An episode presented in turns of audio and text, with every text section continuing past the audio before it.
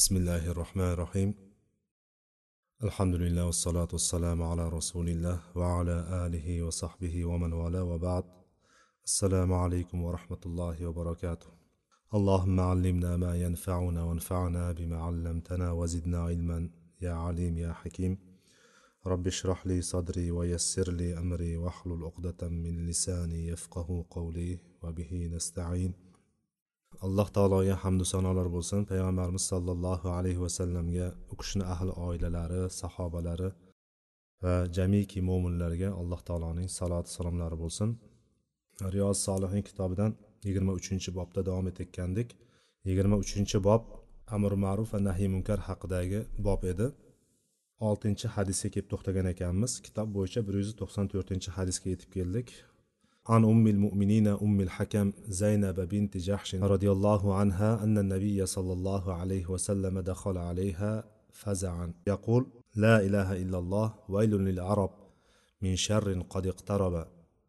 فتح اليوم من ردم يأجوج ومأجوج مثل هذه وحلق بأصبعه الإبهام والتي تليها.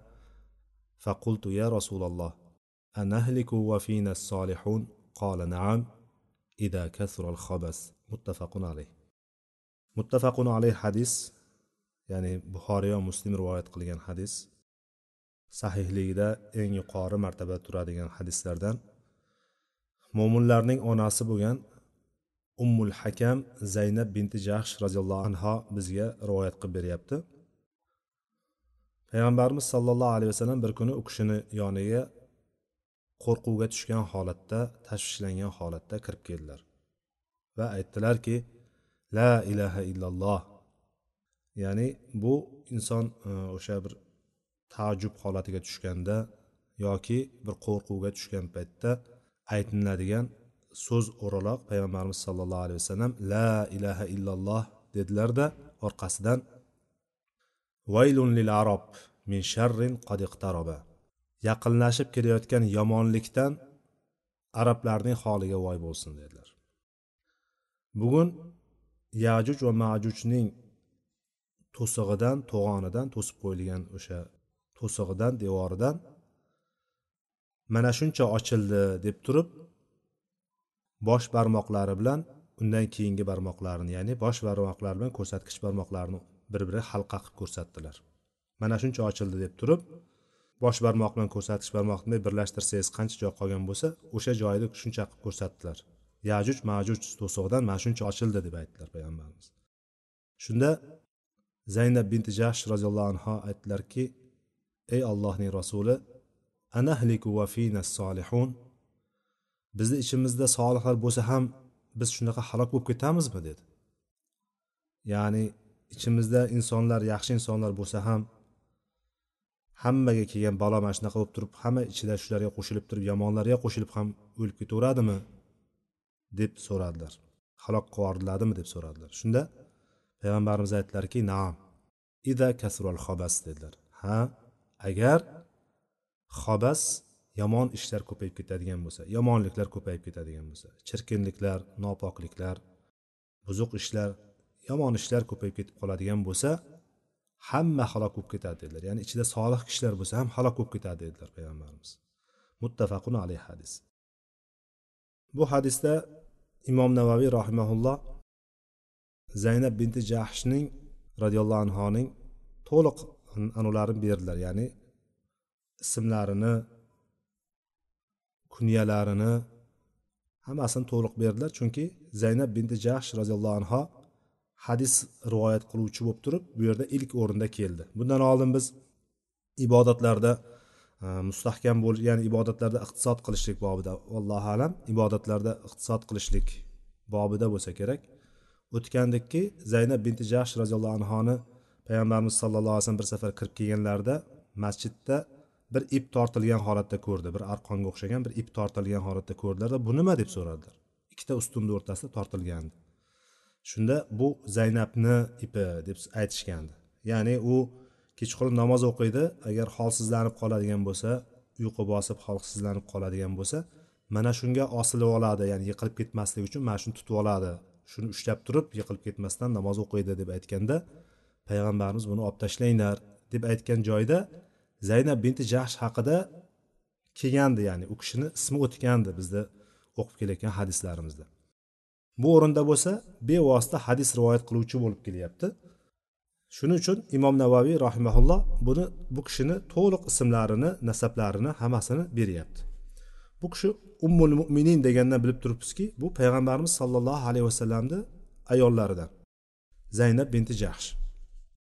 Payg'ambarimizni ikkita zaynab degan ayollarni ikkita bo'lgan. Bittasi zaynab binti huzayma bo'lsa bittasi zaynab binti jahsh roziyallohu anhu zaynab binti jahsh payg'ambarimiz sollallohu alayhi vasallamdan bir yigirma yoshlar atrofida kichik bo'lgan.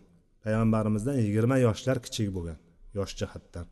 Hijratdan o'ttiz uch yil oldin dunyoga kelganligi haqida rivoyatlar bor. Zaynab binti jahshni hijratdan o'ttiz uch yil oldin dunyoga kelganligi haqida rivoyatlar bor. Payg'ambarimiz sallallohu alayhi vasallam hijrat qilgan paytlarida ellik ikki ellik uch yosh atrofida bo'lganlar shundan keltirib chiqaramizki payg'ambarimiz sollallohu alayhi vasallamdan o'rtacha bir yigirma yoshlar atrofida kichkina bo'lgan bu kishi va ilk musulmonlardan va hijrat qilganlarni ham ilklardan hisoblanadi. Bu kishi ya'ni avvalgi mo'minlardan avvalgi musulmonlardan hisoblanadi. Sabiqunal avvalun deb turib aytilingan kishilardan hisoblanadi. Zaynab binti jahsh.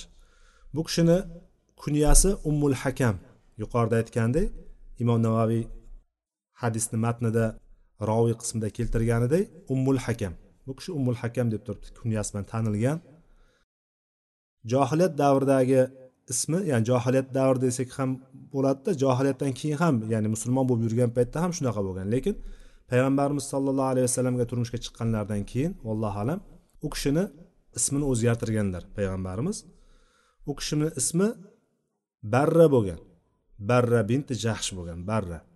Payg'ambarimiz sollallohu alayhi vasallam o'zlarini nikohlariga olganlaridan keyin bu kishini ismini zaynab deb o'zgartirganlar. Shu bilan ismlari zaynab bo'lib ketgan bu kishini.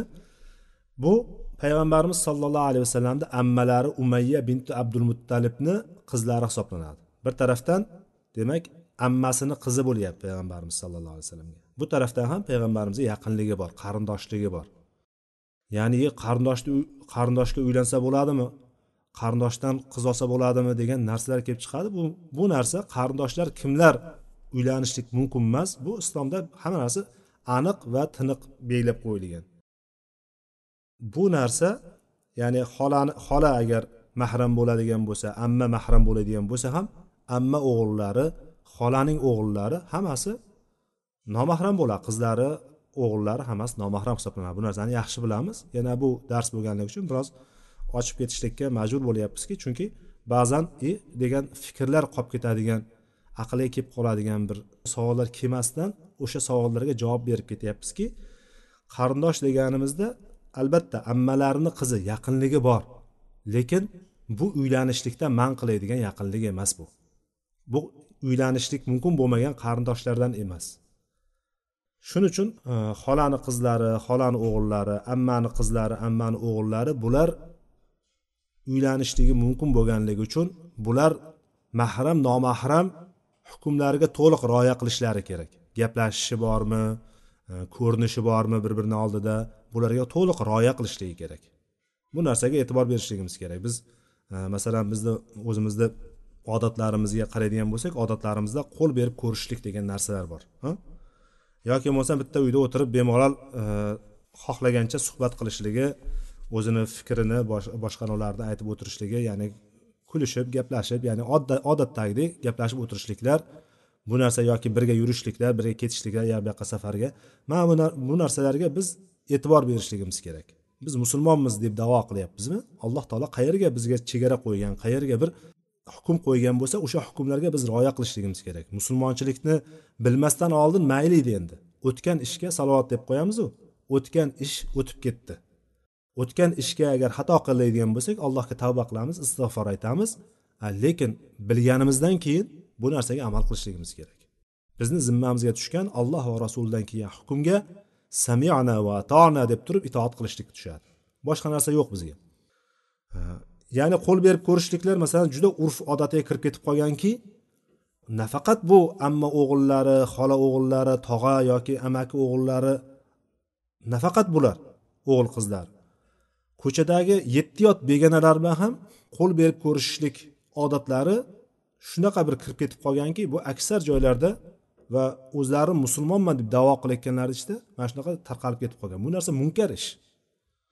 Bu narsa shariatimizga yot ish bu. Bu narsa payg'ambarimiz sollallohu alayhi vasallam men ayollar bilan qo'l berib ko'rishmayman deganlar nomahramlar bilan. Qo'l berib ko'rishlik erkaklar orasidagi ish aslida. Sunnat musofaha deymiz bu qo'l berib ko'rishishlik sunnat amal. Erkaklarni o'rtasida sunnat amal. Lekin qo'l berib ko'rishlik degan narsa bu tarqalib ketib qo'y mana shu narsalarga demoqchi bo'lganim e'tibor berishlik kerak. Hijobli bo'ladigan bo'lsa ammasini o'g'lini yonida xolasini o'g'lini yonida qizlar hijobda o'tirishligi kerak. Va bitta uyda yolg'iz qolishligi mumkin emas. Bo'lgan bo'lmagan narsaga bemalol xotirjam gaplashaverishligi ham mumkin emas bular. Ya'ni hamma mahram nomahramligini saqlashligi kerak. A unda qarindosh urug'chilik qayerda qoladi? Qarindosh urug'chilik o'zini yo'liga. Qarindosh urug'chilik degani boshqaga qilmayotgan muomalasini bunga qiladi. Yaxshiligi bo'ladigan bo'lsa yaxshiligini qiladi. Sadaqasi bo'ladigan bo'lsa sadaqasini beradi. Bir ish chiqib qolgan bo'lsa ishini qilib beradi. Ha bular o'zini yo'qligi.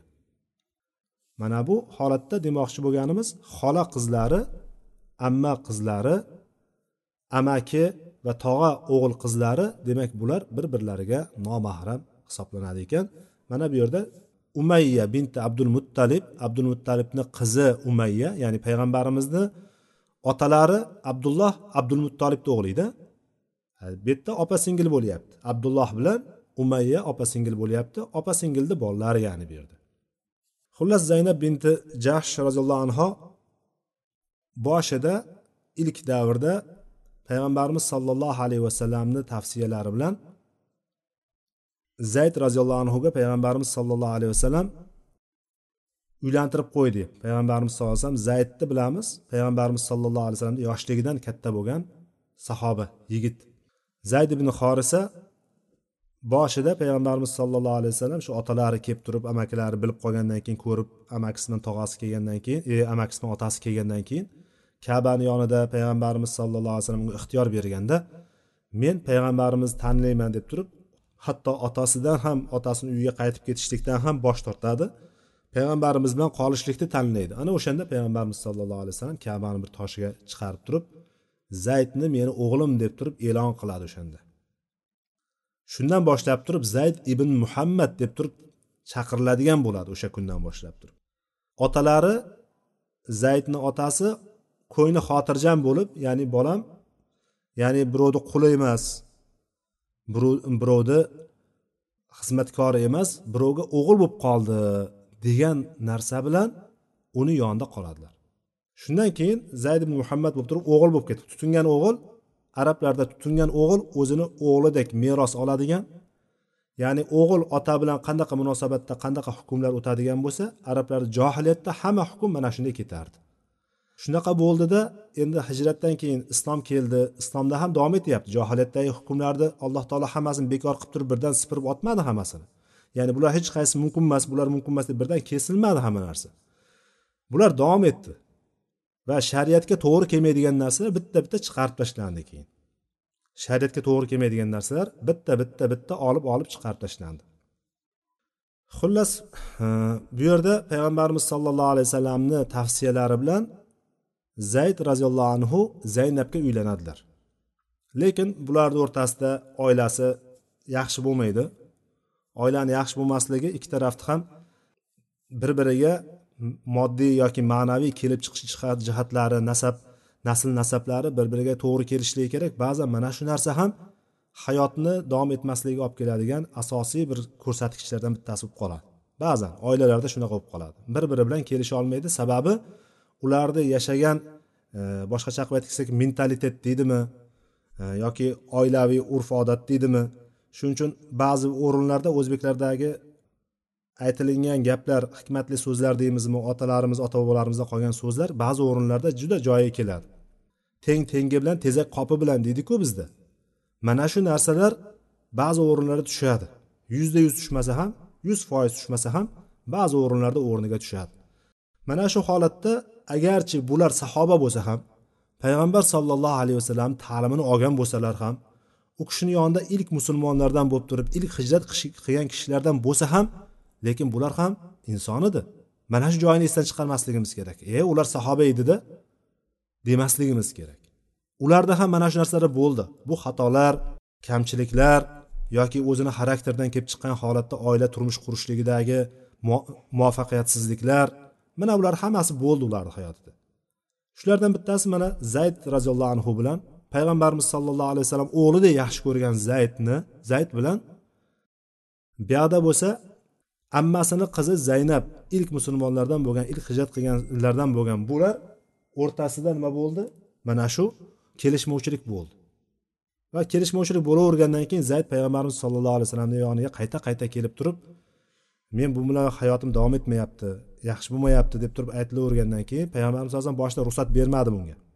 Oxiri borib borib turib bilamiz oiladagi mojarolarni ko'pini bilamizki shu borib borib borib borib turib oxiri baribir shu o'rta o'sha oilani ajralishlik bilan bitadigan narsalar bor ba'zan. Chunki bu bitmaydi. Bu tugamaydi. Bir boshlanib turib o'sha davom etaveradi etaveradi etaveradi. Orada bu bo'ladi orada u bo'ladi bir kelishuv bo'ladi boshqa bo'ladi.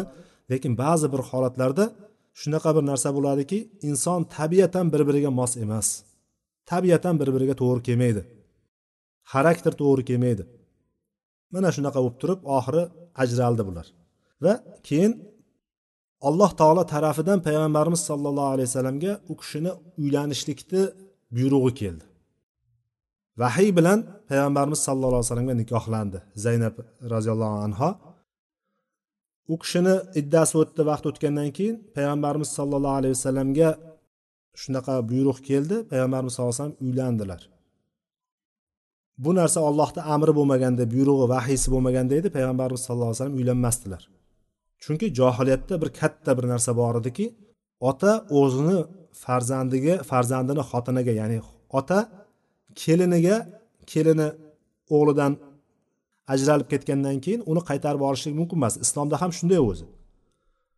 Otalar kelinlariga o'g'illari o'lib ketadimi boshqa bo'ladimi xullas boshi ochiq qolgandan keyin umrbod uylanishligi mumkin emas bo'lgan qonunlardan shariat qonunlaridan bittasi bu. Bu narsa johiliyatda ham bor edi shu arablarda va odamlarni o'rtasida munofiqlarni og'zida tilda doston bo'ldi payg'ambarimiz sallallohu alayhi vasallam bu holati. Deyishdiki ya bu qaranglar muhammad bizga o'zini ya'ni o'g'illarini xotinlariga uylanishlikda harom qildida lekin bo'lsa o'zini o'g'lini xotiniga uylanib o'tiribdi qaranglar degan gapni chiqarishdi bular. Shunda mana shu ahzob surasidagi oyatlar nozil bo'lib turib ularda batamom bu hal qilindi. Ya'ni tutingan o'g'illar hech qachon o'g'il bo'lmasligini aytildi. Tutingan o'g'il bittasini siz detdomdan borib turib olib keladi bolalar uyidan borib olib kelib turib o'zizga оформление qilib oladigan o'zizga oladigan bo'lsangiz mana buni olgandan keyin sizga hech qachon o'g'il manzilatda bo'lmaydi. Ya'ni ertaga agar o'g'il bo'ladigan bo'lsa ertaga balog'at yoshiga keladigan bo'lsa sizni xotiningiz har doim nimada yurish kerak? Hijobda yurish kerak yonida. Bitta uyda birga qolishligi mumkin emas. Ya'ni islomdagi shariat qonunlariga mutlaqo muvofiq kelishligi kerak. Qiz bola bo'ladigan bo'lsa siz erkak kishi bo'ladigan bo'lsangiz uyga kirolmaysiz agar u bir o'zi bo'ladigan bo'lsa. Ya'ni shunaqa narsaga rioya qilishlik kerak. Lekin bizda qani bu narsa? Chunki shariatni sh harfi ham qolmaydigan darajada yuqoriga ko'tarib otib tashlayaptiki chiqarib tashlayaptiki millatni ichida xalqni ichida bu narsa qolmay ketganligi achinarli holatga kelyapti. Lekin alloh taologa hamdlar bo'lsin. Har qancha shukur qilib har qancha hamd aytsak kamki alloh taolo bizga mana bu ne'matni berib qo'yib turib mana shu islomni hukmlarini alloh taoloni bizga nima deyapti? Bizni yaratgan zot bizga nimalarni buyurgan nima hukmlarni qo'ygan bu narsalarni biz eshitib o'rganib o'shani hayotimizga tadbiq qilishlikka alloh taolo bizga tavfiq berib turibdi. Bunga hamd aytishligimiz kerak. Lekin qarang atrofga qancha odam qancha qancha odamlar yuribdi. Na dini bor na diyonati bor na namozi bor niyozi bor hech narsasi yo'q. Yuribdi. Lekin o'shalar ham yashayapti siz ham yashayapsiz biz ham yashayapmiz. Lekin mana shular bizni bularni o'rtasidagi bizni o'rtamizdagi katta farqni alloh taolo bizga bu eng katta ne'mati. Butun bergan ne'matlarini ichida eng buyug'i bo'lgan islom ne'matini iymon ne'matini berib qo'ydi alloh taolo bizga. Mana bunga har qancha shukur qilsak oz. Shu hukm bilan payg'ambarimiz sollallohu alayhi vasallamga tutingan o'g'il bekor qilindi. Mana bu hukm shariatda qoldi. Oxirigacha qiyomatgacha turadigan hukm bo'ldi. Bitta bolani asrab oladigan bo'lsangiz bu sizga hech qachon bola bo'lmaydi haqiqiy bola bo'lmaydi. U o'zini otasi kimligini bilib katta bo'lishligi kerak. O'zini onasi kimligini bilib katta bo'lishligi. Agar ota onasi o'lib ketadigan bo'lsa ham ota onasini nomida qolishligi kerak. Palonchini o'g'li degan narsani bilishligi kerak. Meni otam emas bu meni otam boshqa degan narsani bilishligi kerak u. Agar ba'zi bizda o'zimizni urf odatlarga qarab turib buni ota buni ona deb turib chaqirgan taqdirda ham lekin odamlar bilishligi kerakki buni haqiqiy bolasi emas. Bu tutingan bolasi tutingan bolasi uni o'zi bolasi emas degan narsani bilishligi kerak. Va siz o'ladigan bo'lsangiz siz agar shariat hukmiga olib kelinadigan bo'lsa meros olmaydi u bolalar. Asrangan bola asrandilar sizdan meros olishga haqqi yo'q. Mana shunaqa narsa ya'ni.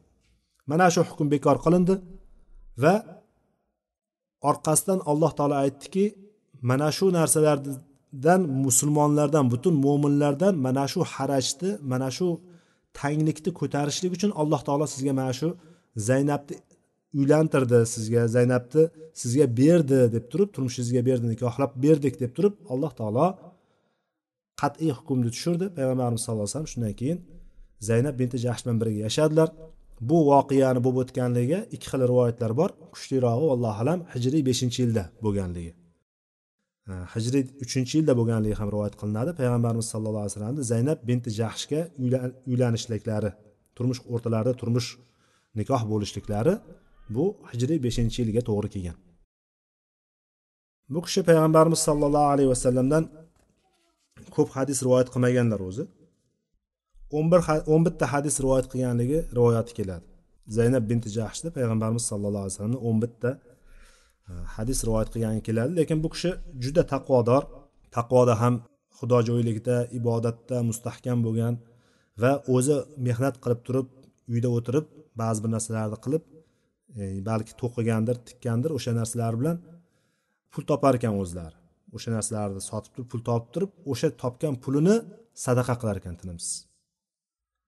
Mana shu ko'p sadaqa qiluvchiligi bilan ibodatda mustahkamligi bilan man yuqorida birinchi boshida aytib o'tdikku payg'ambarimiz sallallohu alayhi vasallam kirib kelganlarida masjidda tortilgan ipni ko'rib turib bu ip nima deganda u kishi kechalari namozda bo'lgan ko'p o'qilinganligi va oysha onamiz ham u kishini mana shu sifatlari bilan maqtaganlar. Ya'ni kundoshlar bir birini maqtashligi degani kundosh kundosh kundosh haqida ikkinchi bir kundoshi haqida yaxshi fikrlarni berishligi degani bu hech bir e, ya'ni istisnoga o'rin qoldirmaydigan aniq bo'lgan narsalargina mana shu narsalar aytilinadi. Ya'ni kundoshlar hech qachon qo'shib ya'ni maqtab gapirmaydi. Gapirsa borini gapiradi yoki borini ham biroz bir joylarini tashlab gapiradi gapiradigan bo'lsa. Lekin mana shu jihatdan man oysha onamiz roziyallohu anhu payg'ambarimiz sollallohu alayhi vasallam bilan men ya payg'ambarimiz sallallohu alayhi vasallamni nazarlarida men bilan bir xil darajada edi deb aytadi. Oysha onamiz aytyaptilar. Zaynab binti jahshni oysha onamiz aytyaptilarki payg'ambarimiz sallallohu alayhi vasallam eng suyukli ayol kim bo'lgan? Oysha onamiz bo'lgan bilamiz hammamiz. Oysha onamiz bu kishi haqida aytyaptilarki u kishi bilan bir xilda men bilan u kishi payg'ambarimiz nazdida nazarida bir xil darajada edik. Men u kishidan ko'ra dindor bo'lgan taqvoli bo'lgan rostgo'y to'g'ri so'z bo'lgan va qarindosh urug'lariga siylay rahmni bog'lagan va ko'p sadaqa qilgan bironta bironta xotinni ko'rmaganman deb aytganlar. Ya'ni ayollarni ichida boshqa ta'bir bilan aytadigan bo'lsak ayollarni ichida eng mana shunaqa yuqorida aytilgan sifatlarda eng oldinda bo'lganlardan bo'lgan. Payg'ambarimiz sollallohu alayhi vasallam sizlardan qo'llaringizni eng uzuni menga yetib boradi deganlar. Qo'llari qo'li uzuni menga qovushadi birinchi. Ya'ni men vafot etganimdan keyin menga eng mendan keyin birinchi vafot etadiganlaring qo'li uzuni deb aytganlar payg'ambarimiz sallallohu alayhi vasallam. Shunda ayollar payg'ambarimiz sallallohu alayhi vasallamni ayollari e, ya'ni ular qaranglar o'lishga ya'ni o'lib turib payg'ambar sallallohu alayhi vasallamga qovushishlikka qanchalik haris bo'lganlar ular. Ular qo'llarini o'lchashgan.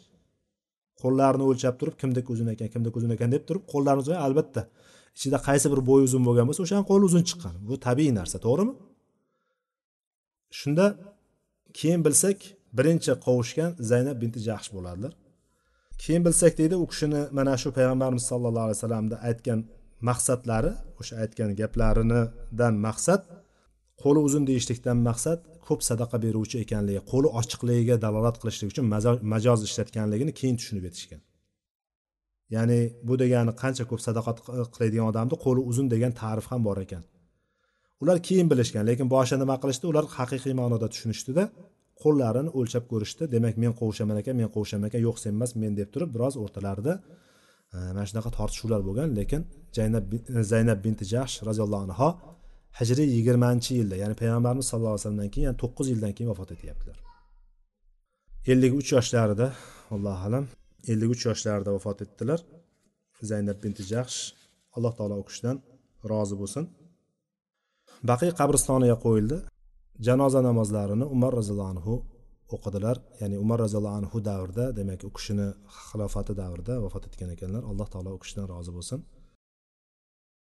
Mana bu hadisda zaynab binti jahsh roziyallohu anhu onamiz payg'ambarimiz sollallohu alayhi vasallamni holatlarini va u kishini aytgan hadislarini aytib beryaptilar.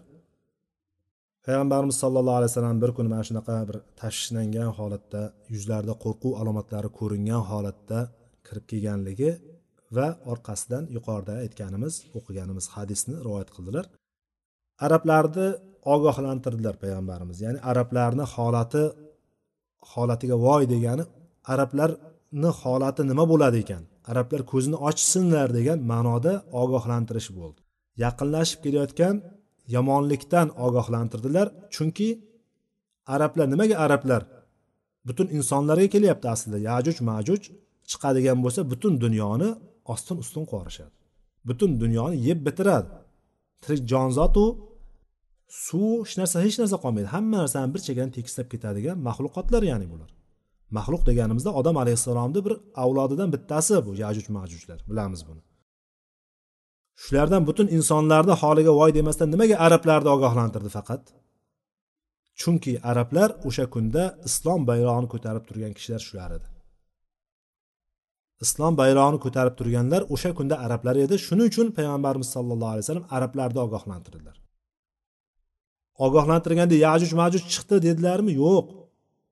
U yopilgan to'siq oyatda keladigan ular buni teshishga ham qodir bo'lmaydi ustidan oshib o'tishlikka ham qodir bo'lmaydi deydi. Ular chiqolmaydi ikkita to'g'onni o'rtasida qolgan ikkita tog'ni o'rtasida qolgan o'shani orqa tarafida qanday ko'payib qanday nima bo'layotgan bo'lsa uni orqasi qancha keng bo'lishini biz bilmaymiz. Mana shuni yopib qo'yishdi. Ular mana zulqarnaynni anosidan bilamiz. Oyatdagi kelgan e, oyatdan bilamizki u kelgan paytda odamlar unga shikoyat qilib kelishdi. O'sha yerdagi xalq aytishdiki yajuj majujlar bor ular buzg'unchilik qilishadi ular hamma tomonni vayron qilishadi. Bizga sen biz senga bir xaraj bersakda bir to'p to'plab pul yig'ib bersakda sen bizga mana shu o'rtamizda shuni to'sib qo'ysang qanday bo'ladi deyishgan paytda u bunga rozi bo'lib turib o'sha yerga bir temirdan boshqa ulardan bo'lgan cho'yandan hammani ustidan qilib turib bitta to'g'on qurishdi. U to'g'onni o'sha orqasidan aytdiki to'g'onni ular teshib ham o'tolmaydi oshib ham o'tolmaydi dedi.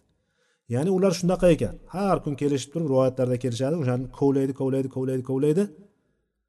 Keyin kechasi kovlaydi ekan asosan. Yorug' bo'lib boshlagandan quyosh chiqib boshlagandan keyin ketdik ertaga davom ettiramiz deb qaytib ketaverar ekan qaytib kelsa boyagi joy yana yovib qolaveradi ekan. Yana qaytadan kovlaveradi kovlaveradi. Mana bu narsani o'sha haqda kelyaptiki payg'ambarimiz paytida undan keyin mana bir yuz bir ming to'rt yuz o'ttiz yil o'tib ketdi. Bir ming to'rt yuz o'ttiz yil o'tib ketdi mana bu voqeaga. Payg'ambarimiz bu gaplariga o'sha paytda bosh barmoqlar bilan ko'rsatkich barmoqlarni birlashtirib turib bugun mana shuncha ochildi deganlar.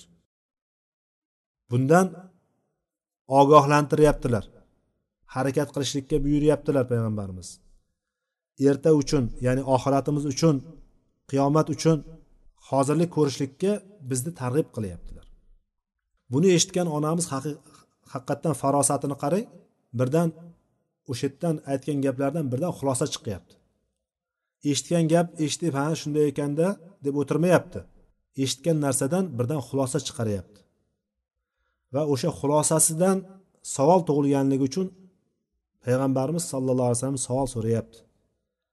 Ya rasululloh ey ollohning rasuli oramizda solih kishilar bo'lsa ham yajuj majuj chiqadigan bo'lsa hammamiz halok bo'lib ketaveramizmi? deb so'radi. O'rinli savolmi? Albatta o'rinli savol. Yajuj majuj chiqqan paytda yer yuzida solih kishilar bo'lishi mumkinmi? Mumkin. Mo'minlar solih kishilar bor edi. Bo'ladi o'sha kunda. Shunda hammamiz halok bo'lamizmi deganda payg'ambarimiz sallallohu alayhi vasallam agar yomonliklar ko'payib ketadigan bo'lsa. Ida kasral habas o'sha kunda habis narsalar yomonliklar chirkinliklar yomon ishlar yomon odamlar ko'payib ketgan paytda ha dedilar payg'ambarimiz. Ya'ni demak bizni ustimizga tushgan narsa mana shu hadisdan kelib chiqadiki biz yomonliklarni kamaytirishlikka harakat qiladigan bo'lsak yomonliklarni oldini olishlikka harakat qiladigan bo'lsak shariatga teskari bo'ladigan chirkin ishlarni nopok ishlarni munkar ishlarni to'xtatishlikka qo'limiz bilan bo'lsa ham qaytarishlikka yoki tilimiz bilan qaytarishlikka harakat qiladigan bo'lsak yomonliklar kamayarkan demak bizga ommatan balo kelmaydi degani bu. Mana shu hadisni xulosasi shu. Agar jamiyatga qaraylik turgan joyimiz shaharmi qishloqmi mahallami qaraylik o'shani ichida qaysi odamlar soni ko'p? Albatta shariatga yurmaydigan shariatdan uzoq bo'lgan dinu diyonatdan uzoq bo'lgan odamlar soni ko'p. Bu aniqmi? Bu aniq. Mana shu narsani olaylikda shunga qarab turib ish qilaylik degani bu. O'shalar ko'pmikan demak o'shalarni ogohlantirishlik bizni vazifamiz. O'shalarga dinni yetkazishlik bizni vazifamiz. O'shalar agar gunoh ishlar qilayotgan bo'lsa gunohlardan tiyib qo'yishlik gunohlardan tiyilishlikka vasila bo'lishligimiz o'shalarga yetkazishligimiz gapirishligimiz yoki qilib ko'rsatishligimiz mana bular bilan yaxshi narsalarni qilib ko'rsatishligimiz bilan nima bo'ladi? Bularni oldini oladigan bo'lsak bizga ommatan balo kelmaydi degani bu. Lekin mana shunaqa yomon ishlar ko'payib ketgan yomon odamlar ko'payib ketgan jamiyat bo'ladigan bo'lsa bunga ommatan balo keladigan bo'lsa o'shani ichida turgan sizu biz agar solih ishlarni qilib turgan bo'lsak ham alloh taologa duo iltijo qilib turgan bo'lsak ham namozlarimiz bilan kechasi bilan yig'lab duo qilayotgan bo'lsak ham o'shalar ichida baravar halok bo'lamiz ketamiz. Xuddi o'rmonga o't tushsa ho'li quruq baravar yonganidek biz ham bir chekkadan o'shalarni safiga qo'shilib turib bir joyda o'lamiz ketamiz. Boshqa bir rivoyatda kelgandi. Eslasalaringiz aytgandik oldin ham yo rasululloh ularni holati nima bo'ladi bo'lmasam ularni ichida solihlar bo'ladigan bo'lsa shunaqa o'lib ketadigan bo'lsa? deb savol berganda bu oysha onamiz rivoyatlarida kelardi allohu alam. Aytadilarki qiyomat kunida o'sha niyatiga qarab yarasha tiriltiradi deb aytadi. U boyagi makkaga qarab turib kelayotgan bir qo'shin haqida payg'ambarimiz xabar berganlar o'sha yaqinlashib qolgan paytda ularni hammasini yer yutadi. Bitta qolmay hammasini yer yutadi. Lekin ularni ichida tijoratchilari ham shu ovqat tayyorlab beradigan kishilari ham hammasi bo'ladi ularni ichida. Jangchilar ham bor tijorat maqsadida chiqqanlar ham bor yoki ularga oziq ovqat qilib beradigan odamlar ham bor. Xullas bunday olib qaraganda karvon chiqqan jaysh ya'ni qo'shin chiqqan qo'shinni ichida ularga xizmat qilib qiladigan odamlar ham bor. Jang qilish maqsadida bo'lmagan insonlar ham bor. O'shalarni holati nima bo'ladi deganda har kim niyatiga yarasha tiriltiradi ertaga qiyomat kunida. Niyatiga qarab turib tiriladi. Ya'ni kim niyati kelib turib buzg'unchilik qilishlik bo'lmagan bo'lsa musulmonlarni tagi bilan yo'q qilib tashlaymiz degan narsalar bilan chiqmagan bo'lsa boshqa boshqa maqsadlar bilan chiqqan bo'lsa har kim o'sha kunda o'shalarni ichida bo'lsa ham yomonlarni ichida bo'ladigan bo'lsa ham o'zi niyatiga yarasha tiriladi lekin yomonlar bilan nima bo'lyapti? Halok bo'lyapti va yomonlar bilan turibdi o'sha yerda o'rinda. O'sha tomonidan ehtiyot bo'lishlik kerak bo'ladi. Ommadan balo keladigan bo'lsa bular faqat zolimlarnigina ushlab qolmaydi. Hammani bir chekkadan olib ketadi. Hamma bir chekkadan ketadi. Bunga oyat ham bor. Shuning uchun oyatda ogohlantirgan narsa vattaqu fitnatan la tusibanna alladina zolamu minkum xossa va'lamu annalloha shadidul iqob oyatida shunaqa bir fitnadan saqlaninglarki la tusibanna alladina zolamu minkum xossa sizlarni ichlaringdagi zolimlarni o'zigagina chegaralanmay chegaralanib qolmagan balki hammani o'z ichiga olib ketib qoladigan fitnadan qo'rqinglar degan alloh taolo. Alloh taoloning iqobi o'ch olishligi azob berishligi shadid qattiq bo'lgan zotdir deydi alloh taolo. shuning uchun yomonlar bo'ladigan joyda bizni vazifamiz amr ma'ruf va nahiy munkar bilangina saqlanib qolamiz ekan. Alloh taolo bizni amri ma'ruf nahiy munkar qiladigan solih bandalardan qilsin. Eshitayotgan o'qiyotgan o'rganayotgan ilmlarimizga alloh taolo bizga ziyoda qilsin barakasini bersin va amal qilishlikka har birimizga tavfiq bersin. Vallohu alam. Subhanak allohumma bihamdik. Ashhadu an la ilaha illa anta astag'firuka va atubu ilayk. وآخر دعوانا أن الحمد لله رب العالمين والسلام عليكم ورحمة الله وبركاته.